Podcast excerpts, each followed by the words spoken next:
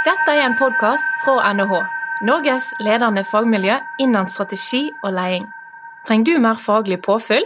Sjekk ut NHH Executive for våre etter- og videreutdanningstilbud. Hallo og velkommen til Lederskap. I dag skal vi utforske hvordan bedrifter kan bygge kultur for samhandling og innovasjon.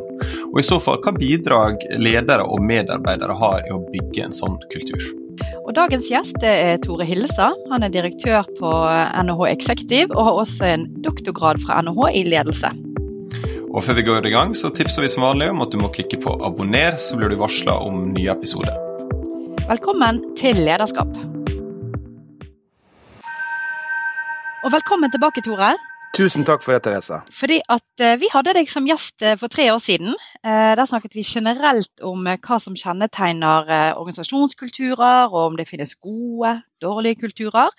Og òg om det er mulig å endre kulturen. Så for nye lyttere, dere kan absolutt dykke ned i det temaet i det som heter episode 12. Men det vi hadde lyst til i dag, det var jo å dykke dypere ned i bedrifters eh, mulighet for å skape kultur for samhandling og innovasjon, som selvfølgelig i dag, med å møte alle de utfordringene vi ser, er utrolig viktig. Og egentlig òg å spisse det ikke bare fra en leders perspektiv, men hva er medarbeidernes rolle i dette. Men sånn, tilfelle man ikke har hørt på episode 12 og har eh, helt sånn elementær kunnskap om eh, organisasjonskultur, la oss starte med å definere organisasjonskultur, Tore. Det syns jeg egentlig er en en fint sted å begynne. Fordi eh, det vi ser når vi skal jobbe med kultur både fra et uh, akademisk ståsted og fra et praktisk ståsted, er at det, er litt sånn komplisert begrep. da. Så en enkel måte å definere kultur på som er ganske kjent, og som kommer fra noen forskere som het and Deal, når dette ble et begrep som fikk stor oppmerksomhet, det er at kultur er måten vi gjør tingene på her hos oss. The way we do things around here. Det tror jeg er et godt sted å begynne å få. Det, det, det, det fanger noe sånn essensielt ved begrepet. Og det er også noe når vi skal snakke om innovasjon, da, så tenker jeg også at det kan være noe litt sånn introvert over den måten å tenke det på. Sant? Det er måten vi gjør ting på her hos oss. ikke sant? Og det er liksom sånn spørsmål vi Kanskje vi av og til sender signaler til våre nyansatte at 'kom som du er, men bli som oss'. ikke sant? Og det er ikke det som gir mest, uh, mest innovasjon nødvendigvis. Og det skal vi sikkert snakke litt om, men akkurat den der inngangen, kan vi få folk om bord, nye medarbeidere, nye kollegaer, nye ledere, ekstremt viktig i forhold til å, å ta ditt læringsperspektiv. Men altså, måten vi gjør tingene på her hos oss er et fint sted å begynne. Og så tenker jeg at for at man skal liksom få en litt mer nyansert, dypere forståelse av fenomenet og begrepet, så er det disse, det som vi kaller for kjerneinnholdet. Normene som er de uformelle spillereglene som vi har i organisasjoner, som egentlig gir kultur kraft. For det det man vet fra ulike fag, sosiologi, organisasjonspsykologi og, og, og for så vidt økonomi, så vet tror at normer er veldig kraftfulle og veldig sosialt diskriminerende, ikke minst fra ditt forskningsfelt, eh, Therese. Eh, så det er det som gjør at kulturen virker. Så normene er en viktig del av definisjonen, og verdier. Men da er det viktig å skille mellom de forfektede verdiene og de levde verdiene. Så når vi snakker om verdier i organisasjoner og i ulike sammenhenger, så blir det ofte en diskusjon rundt de verdiene vi sier vi har. De som er forfektet, de som ofte er skriftliggjort og også da formalisert. Men det som er det interessante når vi skal forstå kultur, det er å forstå kultur i forhold til de levde verdiene. Og De levde verdiene det er de verdiene, de tingene vi oppfatter er viktige for oss, og som vi da etterstreber i atferden vår. Og så kommer noe som er viktig for i forståelsen av dette. Noen ganger er dette også ubevisst. Det er ting som i relativt stor grad er automatisert. Og da eh, er vi liksom litt inne på både kraften i det, men også det som gjør det litt krevende noen ganger å styre i en intensjonell rett. Så normene, viktig dimensjon, viktig begrep. De uformelle spillereglene. En kjent organisasjonsforsker som heter Jim March, som vi er veldig inspirert av, han kaller det for the logic of appropriateness. Hva er det som passer seg å gjøre? Det er en sånn god huskeregel. Hva passer seg å gjøre her? Mm. Det er ikke ofte så eksplisitt i alle sammenhenger. Uh, og skille mellom de forfektede og de levde verdiene. Og det tredje begrepet som ofte brukes, er jo da grunnleggende antagelser. Og Det er jo liksom det som vi ofte forstår som det dypeste nivået i kulturen. Som også da er ofte det som er vanskeligst å endre i organisasjonen. Mm. Så Det er tre begreper. Altså, så Hvis vi skal derfor summere det opp litt, da, så kan vi definere kultur som felles delte normer, levde verdier og grunnleggende antakelser som utvikler seg i en organisasjon når man samhandler med hverandre, lærer seg å finne måter å gjøre ting på for å løse samfunnsoppdraget eller skape verdier, og i samspill med omgivelsene, som for bedrifter handler om eh, kunder i veldig stor grad, og i offentlig sektor vil handle om brukere. Ikke sant. Eh, dette gir veldig mening for meg, men jeg får også legge til som eh, en som er veldig glad i den franske sosiologen Bourdieu. Dette høres også tett knyttet opp mot det han definerer som nomos, som altså er interne spilleregler i en organisasjon eller i et felt, som også styrer hva som gir status og prestisje. Det er vel eh, mulig å knagge på her også. Hva er det som, eh, som, gjør at man får forfremmelse, eller som gjør at man blir månedens ansatte, eller sånt? Veldig enig med deg, Tellef. Og jeg er veldig sånn, uh, tilhenger av å adressere dette fenomenet med ulike faglige innfallsvinkler. Og det er jo klart det er mange, mange fag som har vært opptatt av dette. Sosialantropologen tror vi snakket litt om sist, som var, var veldig mm. viktig innledningsvis. Men det er akkurat det du sier. Det, det, sier noen ting om hva som gir verdi, og det henger selvfølgelig ofte veldig sammen med hva som blir belønnet, hva som gir prestisje, hva som gir status. Både sånn formelt og uformelt, egentlig. Men et lite mm. viktig poeng sånn innledningsvis for å, for å liksom komme rett av stedet det er at det er viktig å erkjenne at kultur uh, kan ikke vedtas. Mm. Kultur er uformelt i sin natur. Og Når vi skal begynne å jobbe med kultur i praksis i virksomheter, så har vi en tendens selvfølgelig til å formalisere ting. Og Man kan mm. lage verdier som er veldig kraftfulle for kulturen, men sånn per se i seg sjøl som fenomen, så er kultur et uformelt fenomen. Og Det er en viktig erkjennelse når man mm. skal jobbe med dette i praksis. Tusen takk. Eh, fint definert der, Tore. Og så har vi dette utsagnet som jeg er litt usikker på om det var Peter Drucker, men 'culture eats strategy for breakfast'. Så det betyr at dette er viktig. Eh, og hvorfor er det da viktig eh, å enten definere eller endre eller være bevisst for kultur i en organisasjon? Det var fint du tok inn det perspektivet, for det er veldig kjent. Sant? Og jeg tror at mange ledere, spesielt i etablerte virksomheter, opplever at når man skal typisk iverksette en strategi, eller når man skal endre en organisasjon ganske sånn dramatisk eh, strategisk, eh, eller fordi at ikke minst man skal ha en ny forretningsmodell, man skal tenke mer på bærekraft, kunstig intelligens, alle disse tingene som kommer på kultur på på agendaen. Og det, og det, er et godt spørsmål, Therese. For det er liksom, Hvorfor skal vi snakke om kultur? Jo, vi må snakke om kultur fordi kultur har effekt på organisasjoners prestasjoner. Og Da blir det ganske viktig. Og det, det, første stedet vi kan begynne, er jo at det handler om å forstå atferd. Og De fleste organisasjoner så er det ganske viktig i forhold til både det å iverksette strategi, det å innovere, og det er ikke minst når vi skal da transformere eller endre eh, praksis eh, kollektivt. Så mm. det er, er en viktig innfallsvinkel. Uh, og så er det det at noen ganger møter vi litt det som du da antyder, med denne Culture Eat Strategy for Breakfast. og det er den ene siden av det. Det er ofte det som vi forbinder med noe problematisk eller en utfordring osv. Men det som jeg kanskje jeg håper man kan ta i størst grad med seg fra dette, det er uh, også poenget med at culture makes strategy happen. Så Det betyr jo også at ja, det kan være noe du stanger hodet imot, og det gjør du i en del sammenhenger, spesielt i endringstider, brytningstider. Men det er også utrolig kraftfullt i forhold til det å få en, kultur, nei, en strategi til å virke og, og iverksettes. Mm. Så det er viktig for atferd, det er viktig i forhold til strategiiverksetting og endring av strategi. Og så er det jo da vist i en god del studier etter hvert at det er viktig for prestasjoner, også i betydningen av man setter det i sammenheng med lønnsomhet, man setter det i sammenheng med, med, eh, med da vekst. Eh, det kan være andre kvantitative mål som gjenkjøpsrater osv., brukertilfredshet, alle disse tingene. Eh, og også da det som er, er, jo viktig for det vi snakker om her i dag, nemlig da innovasjonsendring, mm. og evne til å lære.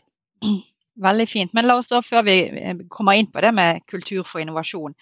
Fordi at Når du da sier og impliserer fra forskning at kultur eh, har eh, effekt på bunnlinje, så er det vel en type kultur. Det er vel ikke hva som helst kultur. Så kultur er jo innholdsløs hvis du bare nevner at ja, det handler om verdier. Men er det da forsket på hvilke type normer, verdier, grunnleggende antakelser, man bør ha, eller har det sammenheng med type bedrift? Altså Hvor komplekst er dette for en bedrift å finne ut jepp, vi vil gjøre det bedre, vi vil iverksette strategi, vi skal bruke kulturen vår.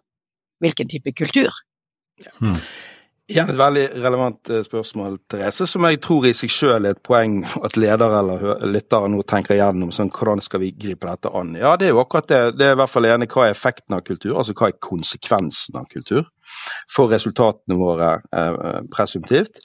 Men også hvordan kan vi eh, finne ut hvilken type kultur vi trenger. Og det Ja, det er forskjell. og det jo det, det er liksom kanskje to to forskere. Det er Cameron Quinn som begynte med dette, og så er det kommet noen ny forskning fra Groisberg på Harvard i senere tid. og de har liksom angrepet dette spørsmålet. Fordi at Man har liksom stilt seg spørsmålet ja, hva er en god kultur, eller hvilken kultur skal vi gå etter. Og Da er jo det svaret på det som er en klassisk innenfor vår eh, verden, nemlig komme an på.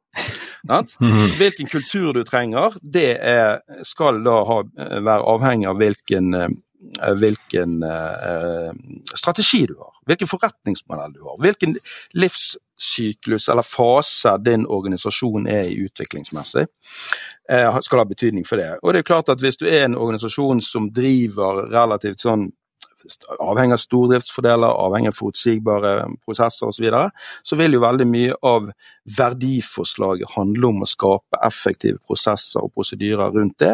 og Da trenger du en kultur som hjelper deg til å få det til, fordi at atferden er viktig.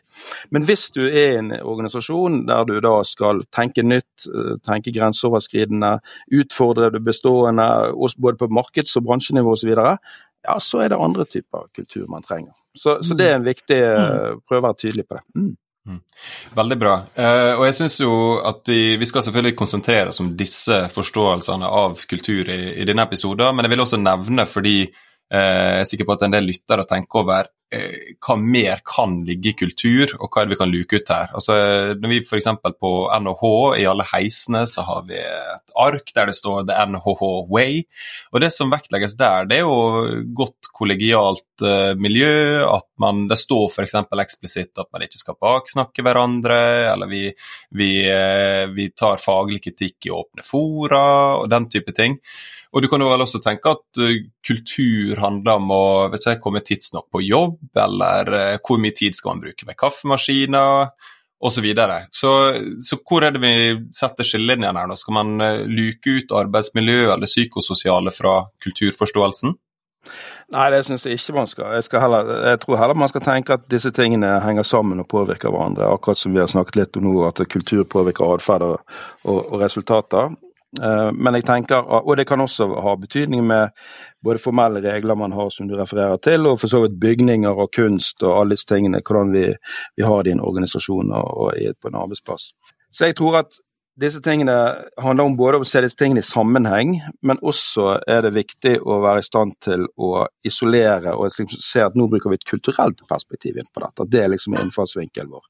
Uh, og Vi kan ikke bruke alle perspektivene samtidig, da blir det veldig komplekst. ikke sant? Mm. Så jeg tenker at uh, erkjennelsen av at det henger sammen er viktig, men at, men at liksom det å jobbe med det og så handler det om å velge én linse og én innfallsvinkel. Inn i, mm. inn i, mm. du er jo mye ute og snakker med, med folk, foredrag, eh, NHO Executive osv. Og, så og får noen opplevelser av hvordan man jobber med kultur i ulike virksomheter. om ja, det har vært noen endringer. Hva, hva er dine oppfatninger av hvordan ledere og organisasjoner i dag jobber med organisasjonskultur? Eh, for det første så tenker jeg at som du antyder, så er det en økt oppmerksomhet på dette i både offentlig og privat sektor. Eh, jeg mm. tenker at eh, det er, Og det er kommet mye mer, altså mer med forskning fra begynnelsen av 80-tallet, som vi snakket litt om sist.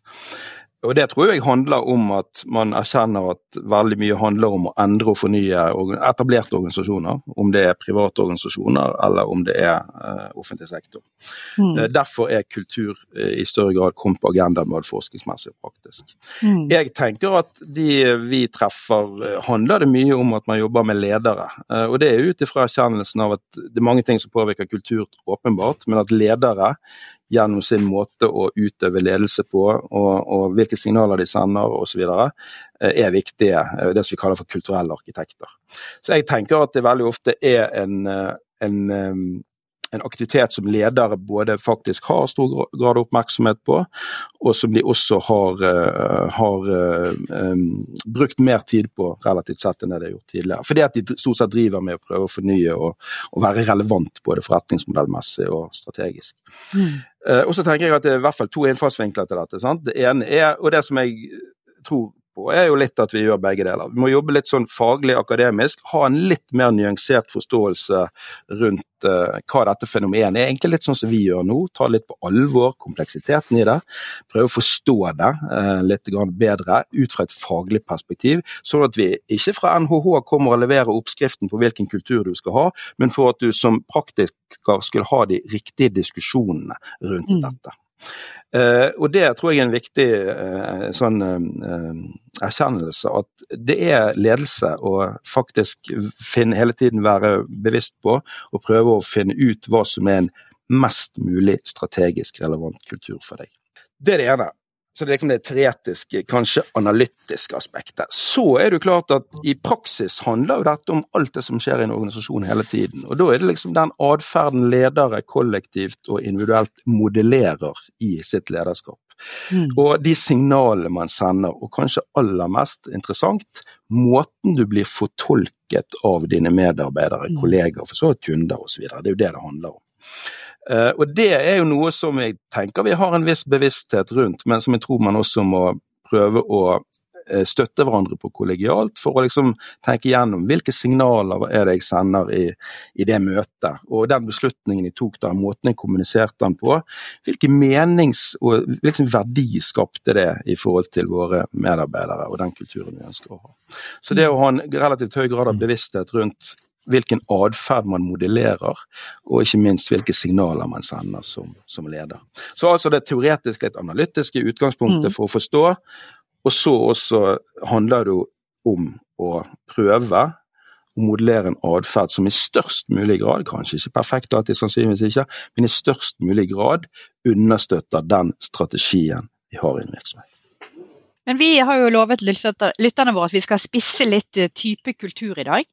Fordi at vi vet at eh, sant, skal vi løse fremtidens problemer og, og, grand challenges, som vi alle liker å snakke om, så må man samhandle mer, eh, og man må innovere mer. Mm. Og da er jo spørsmålet kan man ha kultur for innovasjon og kultur for samhandling, Tore? Hva betyr det i så fall? Mm. Ja, Det er et veldig godt spørsmål. Sånn som jeg ser det, så henger jo disse tingene sammen. Uh, og ja, der er jo da gjennom disse studiene vi har referert til, uh, funnet uh, hva som kjennetegner kulturer som er spesielt effektive.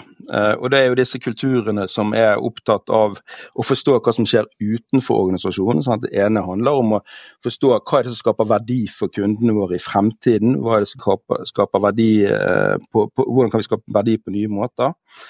Uh, og de er opptatt av å eksperimentere. Sant? De er opptatt av å teste ut nye ting. Uh, og de er opptatt av å ikke minst da tenke hvordan kan vi skape verdier for kunder på nye måter, på andre måter i en uh, organisasjon. Uh, utforskende. Sant? En veldig kjent måte som vi helt sikkert har, dere har diskutert i denne podkasten uh, tidligere, det er jo forholdet mellom lære nye ting, altså det som vi kaller for å utforske, uh, mens det andre er jo det å bli bedre på det man allerede kan. Og egentlig litt sånn forenklet så vil jo da innovative kulturer være veldig opptatt av utforskning. De vil være nysgjerrige i sin natur. De vil være veldig ekstroverte. Mens eh, andre typer kulturer i større grad vil ha det vi kanskje kan kalle for en fasitkultur, der man leter etter løsninger og svar der man historisk sett har funnet de tidligere, det som vi ofte kaller for stiavhengighet. Og som også er et paradoks, for det at vi ser at eh, historien begrenser oss. Så kulturer som er innovative, er i sin natur nysgjerrige, ekstroverte, eksperimenterende, utforske det. Mens kulturer som er eh, mer, eh, mindre innovative, vil jo være opptatt av å bli bedre på det de allerede kan. Det å utnytte eksisterende forretningsmodell. og også ha en tilbøyelighet til å lete og finne svarene og løsningene på ting der det har funnet svar på løsningene, og løsningene på svarene eh, og spørsmålet tidligere. Men så er det viktig å si, når vi, for dette er klart det er jo mye innovasjonsretorikk, sant? og det, det, holdes jo alltid frem som, som, uh, som, det eneste viktige og riktige, og i denne sammenhengen er det jo det. Men jeg tenker jo at uh, det åpenbart er sånn at disse tingene må da balanseres på en best mulig måte. ikke sant? Mm. Men hvis du vil ha innovasjon, hvis det virkelig er det en strategi trenger, ja, mer bærekraft, det grønne skiftet, tenke nytt om ting, kunstig intelligens, ja, da må man være utforskende kulturelt. Eksperimentere, eh, og ikke minst utfordre det bestående når vi er i en etablert virksomhet. Men både da i, i de forskning og, og, i arbeidet som direktør for Executive, eh, mm. ser du at det er store forskjeller på ulike bransjer og industrier, eventuelt også ulike land, i, i hvor eh, opptatt man er av innovasjon, eller hvor flink man er på å integrere det i kulturen sin? Jeg tenker jo at jeg tror de fleste eh, er eh, opptatt av innovasjon eh, på tvers av bransjer og for så vidt nasjoner og, og, sånne, og sånne, ting. Så det, vi, det, er et stort spørsmål. da.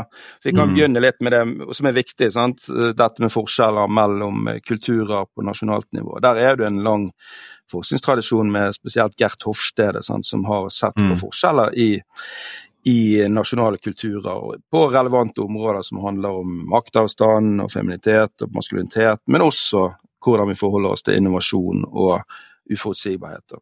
Så der er det jo noen ting man kan, man kan se på der, og der er det jo forskjeller.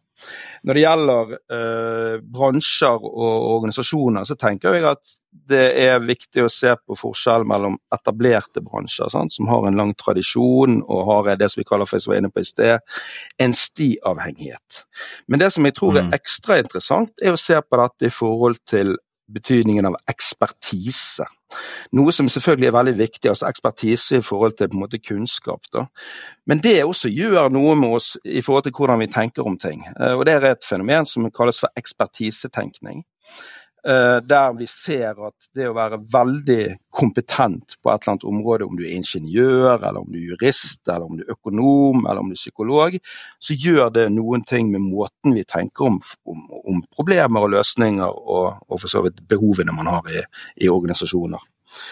Eh, og da tenker jeg at uh, det er viktig å være også litt klar over fenomenet som Chris Argers kalte for 'skilled incompetence'. ikke sant? Det at vi noen ganger gjennom fagene våre blir begrenset i forhold til i hvilken grad vi klarer å tenke om nytt om. Mm. Uh, og derfor blir jo nettopp det å være i stand til å samhandle kulturelt, på tvers både av ulike deler av en organisasjonskultur, men også gjennom ulike fag og profesjoner i en organisasjonskultur. Veldig viktig, og det vi ser på at ofte er det som bidrar til å fornye og innovere. Så det handler om å prøve å utnytte forskjellighet. Mm. Mm. Ja, Det er jo interessant det du trekker inn der. Vi har jo noen, så du sa Før vi egentlig skrudde på record her, så berører jo dette litt av vår forskning på team. F.eks. det med tverrfaglige team. For der, eh, bare helt konkret eksempel er jo et eh, prosjekt vi har hatt opp mot Haukeland. Eh, der de satt sammen tverrfaglige team bestående av leger, psykologer og fysioterapeuter. Ganske nytt. Så da må du prøve å skape en kultur for hvordan skal de lære seg å samhandle. Og det er nettopp for ikke nødvendigvis å innovere og komme opp med noe nytt, men det var for å diagnostisere barn og ungdom som har slitt lenge uten diagnose, for de blir kasteballer i systemet. Og utrolig interessant å se på et, et mikronivå, da, fordi det er et team som da skal utvikle sin kultur for samhandling. Og når det da er i Eh, kall det et apparat i en kontekst, i en bransje der det normalt er store statusforskjeller. Eh, ekspertise som du bringer inn, som kanskje ikke har pleid å jobbe sammen før. Så var ikke dette bare å, å sette de sammen, og så gikk alt fint. Det, det, det, skapte noen utfordringer. Men over tid så vi jo at dette fikk de til. Så det er jo nettopp det å, å, bruke tid sammen, utforske, være åpen, som jeg kjenner veldig godt igjen av det du snakker om, da, eh, på et organisasjonsnivå inn i et teamnivå. Så, og, og, der er det jo noe òg med at når du sier når vi skal tillate utforsking, så skal vi lære, og vi snakker om denne det er lov å gjøre feil. Eh, og, og, Hvordan henger dette sammen inn, den feilbarlige kultur, eller hva er det man snakker om i dag, Tore, knyttet til dette med feil og innovasjon? Veldig eh, eh, gjenkjennelig det du sier, eh, Therese. Jeg tenker eh, det handler mye om hvilke type feil man kan gjøre, og hvilke type feil man historisk har prøvd å la være å gjøre. Eh, og det er jo litt sånn frase som du sier, at nå skal vi ha, ha et sånn seminar der vi skal feire fjaskoene våre. Sant? Det er sånn mm. klassiker som sikkert mange Og det kan kanskje ha noe for seg, men det som jeg tror er er clouet og som er forskjellen mellom å få det til og ikke få det til, er at hvis du ønsker en innovasjonskultur, så må folk reelt sett oppleve at det å feile faktisk er akseptert. For å lære, selvfølgelig. Feile for å lære. Eh, men hvis det er noe vi prioriterer som en sånn eh, litt sånn gimmick, at vi har et seminar der vi skal prøve å løfte opp noen, noen feil vi har gjort og feire det, men så opplever du at du, hvis du faktisk gjør det i praksis, ja, så, så vil kulturen eh, blir formet av det som du blir belønnet på i praksis, ikke det man gjør på et seminar eller et sånt sidespor.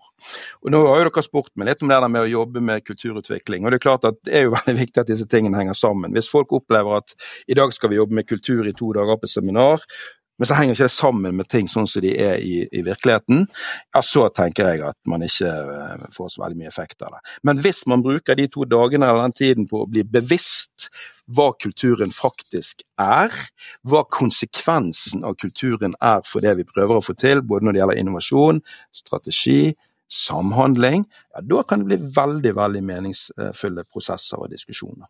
Men det er liksom både en stor potensiell oppside, og så er det en potensiell eh, nedside hvis man opplever at det ikke er sammenheng mellom det vi sier og det vi gjør. Men bare et lite poeng, kanskje, hvis jeg kan mm. få lov til, Therese. En ting som Du snakket om det med ulike profesjoner sant? og mangfold og forskjellighet inn i team, så refererte du til Haukeland. Og Hvis vi skal liksom prøve, hvis jeg skal gi en sånn anbefaling hva jeg tror er en en hensiktsmessig innfallsvinkel til å diskutere kultur i alle typer organisasjoner, det er å gå inn i diskusjonen rundt subkulturfenomenet. Mm. Som jo handler om uh, kulturelt mangfold, og som også har veldig mye med evnen til å samhandle på tvers av uh, denne type ja, grenser. Sant? Og Der tenker jeg at vi har litt å hente. Fordi at veldig ofte så opplever jeg, eh, når jeg tenker sjøl eller når jeg snakker med andre eh, praktikere og forskere, at vi har en negativ assosiasjon til fenomenet subkultur. Som subkultur handler jo om at det er flere kulturer i en større kultur. Og det kan jeg godt skjønne, for subkulturer kan skape problemer. På den andre siden så jeg tror det er ganske vanskelig og urealistisk å tenke seg gjennom, som du var inne på Therese, i et mangfold av profesjoner og, og, og avdelinger og enheter i en organisasjon, at ikke vi har noe innslag av subkultur. At det er naturlig og det er bra. Eh, og jeg tror at en viktig, adekvat diskusjon rundt uh, kulturfenomenet, spesielt kanskje på konsernnivå, er jo egentlig å ha en diskusjon rundt hvilke, ikke bare hvilke subkulturer vi har, men også hvilke subkulturer vi trenger for å kunne lykkes på en god måte. Og at diskusjonen bør være mer med hvordan skal vi klare å skape godt samspill mellom disse subkulturene på ulike nivåer i en organisasjon. Mange ganger handler det om samspill i ledergrupper, mange ganger handler det om samspill internt i team. Eh, enn å på mange måter ha en diskusjon der vi sånn prøver å dysse det ned, eller nærmest noen gang kan begynne å lure på skal vi eliminere subkulturene i et konsern med 100 000, eller ved tusenvis av eller hundrevis av mennesker. Så det å gå litt inn i å ta en diskusjon rundt hvor mye skal kultur handle om å integrere og skape fellesskap i en organisasjon, og hvor mye skal faktisk kultur bidra til mangfold og eh, eh forskjellighet i en organisasjon, eh, det tror jeg er en viktig strategisk diskusjon. Men er ikke mye av disse subkulturene i stor grad eh, formalisert? da? Hvis du si f.eks. Eh, ser på mediebransjen som jeg er opptatt av, så, så vil det være en forskjell mellom sportsredaksjonen og dem som driver med kjendisjournalistikk og dem som driver med graveprosjekt. ikke sant? At det er ulike kulturer eller ulike måter å arbeide på, ulike måter å snakke på kanskje, eh, i disse ulike avdelingene. Er ikke det naturlig at det er et skille mellom si, salgsavdelinga i et selskap og dem som driver med eh, produktutvikling? Det er veldig godt poeng, Tellef. Det er helt naturlig at det er sånn, og det er nødvendig. Men da ligger ofte mange måter potensialet å ikke prøve å gjøre det mindre, men å erkjenne det og prøve å jobbe med samspill mellom disse kulturene. Det er to sånne begreper som vel kommer litt fra sosiologien som jeg, jeg prøver å bruke, som handler om at vi kan snakke om to måter å jobbe med kultur på i store organisasjoner. Det ene er bounding. Og Det handler jo om å tenke kultur som noe som skal binde sammen en organisasjon. F.eks. på Norges handelshøyskole så trenger vi at alle som jobber på faglig side, på administrativ side, de ulike fagmiljøene, har noe felles som binder oss sammen. Det er den mm. ene måten, og det er viktig. sant? Eh, men i tillegg til det så trenger vi også å få til samspill og samhandling på tvers. Og Det er jo det begrepet som vi da kaller for bridging. Og Da må vi også da anerkjenne, og noen ganger faktisk dyrke, forskjellene. Samtidig som vi heller prøver å se på hvordan kan vi få til forskjellighetsutnyttelse, mer enn å på mange måter eliminere forskjell kulturelt. For det, det er litt urealistisk, og det er sannsynligvis også en dårlig idé, nettopp for det du sier, Telle. For vi trenger ulike mm. profesjoner, vi trenger ulike perspektiver mm. generelt, og for å få til eh, innovasjon. Og jeg vil jo si en måte i dag, eh, kall det mer eh, ordinære bedrifter, da, ikke la oss si NHH, men er jo dette med å jobbe smidig. Eh, for der setter de sammen tverrfaglige team. For jeg kom på det når du sa til salg og marked og IT. Sant? Da setter de tverrfaglige team der alle disse profesjonene eller ja, rollene er sammenblandet igjen og skal jobbe i det vi typisk kaller sprinter, eller komme opp med produkter, teste ut med kunder. Så der får du jo nettopp integrert eller Bridget, som du kanskje ville yes. kalt det, Tore. De ulike mm, typene av kulturer eller måter å jobbe på, som igjen smelter inn i eh, en organisasjon. Og de smidige eh, teamene skal jo gjerne typisk være innovative. Sant? Skal se mm. kundens behov, svare, respondere raskt. Så dette er jo en absolutt ny form, eh, nyere form. Det har jo eksistert en stund, selvfølgelig, men eh, interessant å se.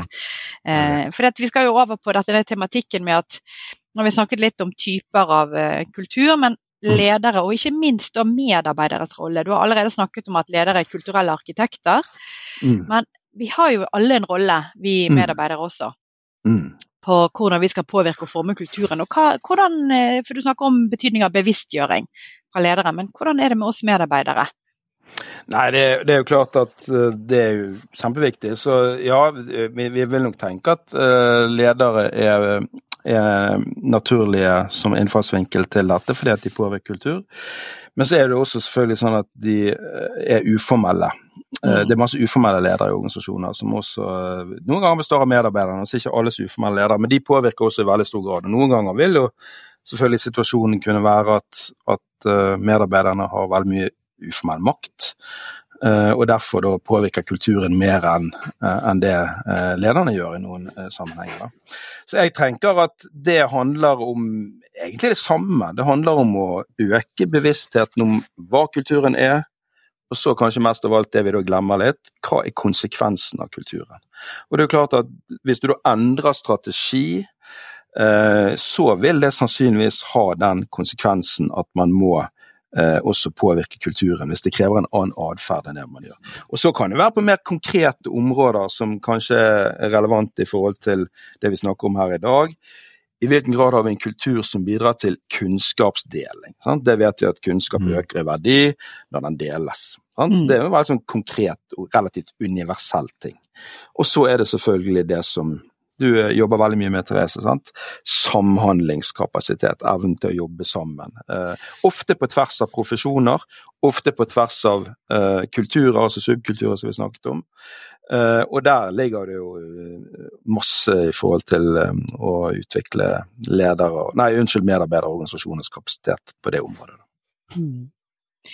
Så det med for Kulturelle arkitekter var ett begrep. Mm. Så leder vi ser for oss de har en betydning i den forstand at de orkestrerer noe. Og så har du kulturelle bærere. Er det disse uformelle lederne du snakker om? Ja. Jeg tenker ja. det, er, det, det, er, det ene. Sant? Det ene er at du har nok noen som representerer noe. Mm. Uh, og veldig ofte er det en veldig interessant spenning der når vi skal tenke innovasjon og fornyelse og entreprenørskap. Og Det er jo da forholdet mellom de kulturbærerne som har vært der lenge, og som representerer historien. Mm. Og så er det det utrolig viktige som skjer, når man da tar inn nye medarbeidere utenfor organisasjoner som kan representere og bli kulturbærere av noe annet. Og Det kunne jeg godt tenke meg å snakke litt om. for Hvis vi skal begynne litt med med dette her eh, Hvis vi tenker innovasjon eller endring av etablerte virksomheter som et utgangspunkt, så kan vi tenke oss hva er den mest effektive måten hvis du skal endre en kultur raskt og mye. En mm. etablert kultur raskt og mye. Svaret på det er skift ut alle som jobber der. Det, ja, så, men nå må vi bare si tydelig til lytterne, sant? ikke gjør det. Sant? Det skjønner dere. Men det er likevel et poeng der i forståelsen av dette. Og det poenget er nemlig forholdet mellom det du sier disse kulturbærerne som er der fra før, som kan være dødsviktige. Vi står alltid på skuldrene av noe som vi skal ta med oss videre. Mm. Og hvordan foregår da onboardingen av potensielt nye kulturbærere som kan hjelpe oss å flytte denne organisasjonen i en ny retning. Og mm. Der tror vi at der ligger en, en liten sånn problematikk rundt at veldig ofte vil organisasjoner si og mene når de ansetter nye, at nå ønsker vi å lære av de som kommer her, og vi vil gjerne bli mm. utfordret. Har dere hørt det før? Ja. og, det, og, jeg tror vi på en måte mener det. Sant? Og så tror jeg at i praksis så er det sant inntil et visst punkt. Uh, og, det, uh, og, da kommer alle disse tingene med psykologisk trygghet, og hvordan vi liksom agerer, og hvordan kulturen tar imot nonkonformitet, altså folk som representerer andre verdier, andre profesjoner, andre syn, andre erfaringer. Veldig viktig. Og Da er det en sånn liten uh, hvis jeg skal si tips, da. Jeg tenker når ledere og organisasjoner ansetter nye medarbeidere, så er det window of opportunity for kulturutvikling og fornyelse, og for så vidt innovasjon. Og Da er det veldig viktig å ta på alvor hvor sterkt konformitetspresset ofte vil være i en etablert kultur. Og Det spørsmålet man må stille seg er, når vi ansetter nye, eh, så må vi stille spørsmålet kompetanse, åpenbart. Sant? Gjerne personlig egnethet og motivasjon av disse tingene. Og så kommer det tredje kulturell kompabilitet, eller kall det kulturelt egnethet. Og så kommer det viktige. Da må ledere og organisasjoner stille seg spørsmålet. Akkurat der vi er i vår utvikling og strategisk nå, hva betyr det å egne seg kulturelt? Betyr det å ligne på de som er der fra før, og forsterke det vi allerede har? Eller betyr det å bruke denne muligheten til å fornye og gjerne balansere, og kanskje da i noen tilfeller utfordre det bestående? Og Da tror jeg det er lett å gå i den fellen at man intuitivt tenker at vi har en veldig bra kultur, og det kan godt være vi vil ha mer av det. Mm. Men egentlig er det utrolig viktig at man da tenker hm, ok, vi er på en reise, vi har en stolthet og en tradisjon vi står på skuldrene av, men her er det mulighet til å om ikke korrigere kursen, så i hvert fall balansere opp mot noe. Mm. Der, eh, den, er, den, er, litt uh, viktig, og er litt vanskelig. Også fordi at vi har et sterkt eierskap til reisen vi har vært på, der vi mm. kommer fra. Eh, og vi kan være litt ubevisst eh, akkurat den prosessen. Det er jo fristende å spørre om du kjenner til eksempler på noen som har våget det og klart å få til å få inn folk utenfra og gjort noen endringer? Mm -hmm. Ja, du spør rett opp, ja. Sant? Vi har jo fått noen uh, nye på NHH, da. Vi, både, vi, ansetter jo både folk fra utenlandet, vi gjør jo mye der. Sant? Veldig mm. bra, positivt. Det handler jo litt om den, det behovet vi har for det. Mm. Uh, og vi har også ansatt en del nye kollegaer fra andre bransjer, sant? som jeg tenker uh, har vært viktig for å både utvikle videre en veldig god og sterk kultur på NHH, men også for å kunne utfordre det bestående. Mm. Mm. Men i hvor stor grad er det sånn kultur forsterkes eller formaliseres, da? eksempelvis gjennom å utrope månedens ansatte for å mm. premiere en, et type forbilde, eller, ellers i Googles tilfelle, der uh, ingeniører får allokert en viss tid til å jobbe konkret med helt egne prosjekt. Altså gjør det du vil. Da har du en formalisering av kultur.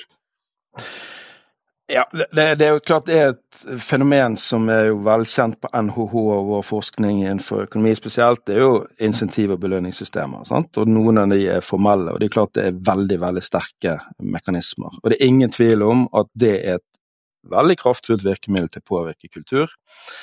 Og jeg vet også det at hvis du har en, på en måte en en diskusjon eller en strategisk ambisjon om å bli mer teamorientert, så er det ikke så veldig hensiktsmessig å belønne folk på individuelt nivå, og gjerne ha forskjeller i belønning. Så, så, det handler jo som veldig ofte og ellers i organisasjoner og i utvikling og ledelse, prøve å få disse tingene til å henge sammen. Så, da, så selv om kulturen i sin natur er noe veldig uformelt og underliggende, så det er klart at veldig mye av de formelle tingene er virkemidler og verktøy for så vidt en leder kan bruke for å, å få utvikle kulturen i en ønsket retning. Men igjen, poenget er jo å prøve å få disse tingene til å henge sammen. Mm. Nei, men Det er jo interessant du sier, apropos NHH kunne gå i seg sjøl. Jeg har nå vært her i jeg tror det er 16 år nå, så det begynner å bli en stund. Ja.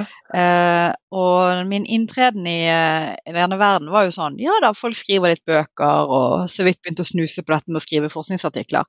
Og nå er det jo bare det som gjelder. sant? Og det er i de aller høyeste toppene av journaler osv. Og, så videre, og det er ja, uformell, kanskje òg uttalt i, i, strategi, selvfølgelig, men det er klart at det har gjort noe med kulturen. Definitivt. Hva belønnes, eh, osv. Og så kommer det jo mye bra forskning ut av det, men det kan jo også være folk som kjenner på at ikke de lykkes.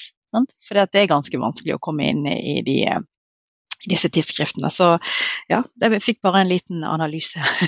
relevant, en relevant analyse, Therese. sant? Mm. Og noe, noen ganger henges det opp sant? sånne her tidsskriftting på veggene. Det er jo et attributt, klassisk da, selvfølgelig, som vi kjenner til. Og som kan være veldig effektivt. Og det er ingen tvil om det eh, at kultur skaper forskjeller på godt og vondt i organisasjoner. Sant? Noen ganger trengs det, og det er naturlig, og det er akkurat det det skal. Eh, vi kan tenke oss the ambidextrous organization. Altså det, det, liksom, du vil ha noen som er god på å bli bedre på det du allerede kan og skal drifte, og du vil ha noe, noen som ønsker å utforske. ikke sant? Mm. Og andre ganger så, så, er det noe som skaper problemer eller dysfunksjonelle. Men det er jo, må jo på en måte poenget være at vi prøver å få en kultur som understøtter det vi prøver å få til. Og så er det et viktig poeng der som jeg kanskje kunne ta litt, og det er jo det at de aller fleste, eller jeg vil si alle kulturelle styrker kommer jo veldig ofte med en kulturell negativ sideeffekt. Mm -hmm. Hvis du f.eks. er veldig innovativ, da, som vi, liksom, vi alle ønsker jo å være og, og trenger sant, på mange nivåer, så vil jo det sannsynligvis medføre at den delen eller den kulturen som er veldig innovativ, er ikke nødvendigvis alltid så god på å skape forutsigbarhet og lande alle ballene man kaster opp osv. Og på samme måte en kultur som er veldig målrettet, veldig opptatt av å, sant, konkurranse å skape markedsandeler og alle de tingene der, vil jo da ofte få den sideeffekten, som lykkes med det, mm. vil jo ofte da få den sideeffekten at man ikke er spesielt innovativ, ikke mm. sant? og at det kan bli kanskje litt for spisse albuer noen ganger, osv. Så, videre. så igjen er det jo det kjente utsagnet 'the beauty is in the balance' som gjelder. Høres ut som vi eh, begynner å nærme oss noen gode tips du kan komme med på slutten her, Tore. For det, det, er jo nettopp det som sikkert mange kan kjenne på. Ja, OK, fint. Vi kan gjøre mye som ledere. Vi kan involvere våre medarbeidere. Så hvis du skulle da um, avslutte med å gi tre konkrete tips til ledere som ønsker å bygge en kultur for samhandling og innovasjon, hva vil du da si? Ja. Jeg tenker det første er jo egentlig det vi har snakket veldig mye om, og det er kanskje et poeng å oppsummere litt. Sånn kulturell bevissthet, men, bo, men, kanskje spesielt i forhold til da, to dimensjoner i det. Det ene er forskjellen mellom den kulturen vi har, altså den deskriptive siden av kulturen vår, og som veldig ofte da, eller alltid er historisk betinget, og den kulturen vi trenger. Eh, i forhold til eh, fremtiden. Altså en normativ del av kulturen vår. Så det handler rett og slett om å ha, øke bevisstheten i, i, forhold til kulturen vi har, og den kulturen vi ønsker for å eh, oppnå noe. Og så tenker jeg at det er nødvendig å prøve å tenke det i forhold til læring. Sant? Kulturutvikling er egentlig i sin natur organisatorisk læring over tid. Så det er det ene. Det andre er å ha en diskusjon rundt hva er konsekvensen av eh, kulturen for det vi prøver å få til. Altså Hvordan virker kulturen på atferd, og dermed da resultater og strategi. Og Det som egentlig er jo det store eh, spørsmålet, er jo hvordan vi, og i hvilken grad, vi kan skape en mest mulig strategisk relevant kultur. En kultur som bidrar til den atferden du trenger for å gjennomføre en strategi. Og Hvis det handler om å bli mer innovativ, ja da trenger du innovasjonskultur. Men hvis den eh, strategien egentlig handler om konsolidering eller vekst eller, eller uh, effektive operasjoner, ja, da er det en litt annen type. Og det tredje er jo da, når du har en bevissthet rundt disse tingene, prøve å modellere atferd og bygge organisasjoner gjennom strukturer og noen ganger insentiver som i størst mulig grad bidrar til å eh, lukke gapet mellom den kulturen man har og den kulturen man ønsker. Så utrolig lett og så utrolig vanskelig. Mm. Ja, men Tusen takk, Tore. Jeg vil si det konkrete tips, i hvert fall. Og så kan vi sikkert diskutere hvor enkelt det er å gjøre det, men uh, man får i hvert fall ikke gjort noe uten å prøve. Tusen takk for besøket. Du har nå hørt på Lederskap, NHHs podkast om ledelse. Mitt navn er Therese Egeland. Og jeg heter Tellef Solbakk Rave. Kom gjerne med tilbakemeldinger eller innspill til tema. Og du finner kontaktinformasjonen vår på LinkedIn eller på Twitter. Og skriv gjerne til oss hvis du har innspill til tema. Og vi blir jo veldig glad om du, hvis du likte det du hørte, da, om du deler episoden med dine kolleger eller vil abonnere på eh, oss. Vi høres senere i vinter. Dette er en podkast fra NHH, Norges ledende fagmiljø innen strategi og leding. Trenger du mer faglig påfyll? Sjekk ut NHH Executive for våre etter- og videreutdanningstilbud.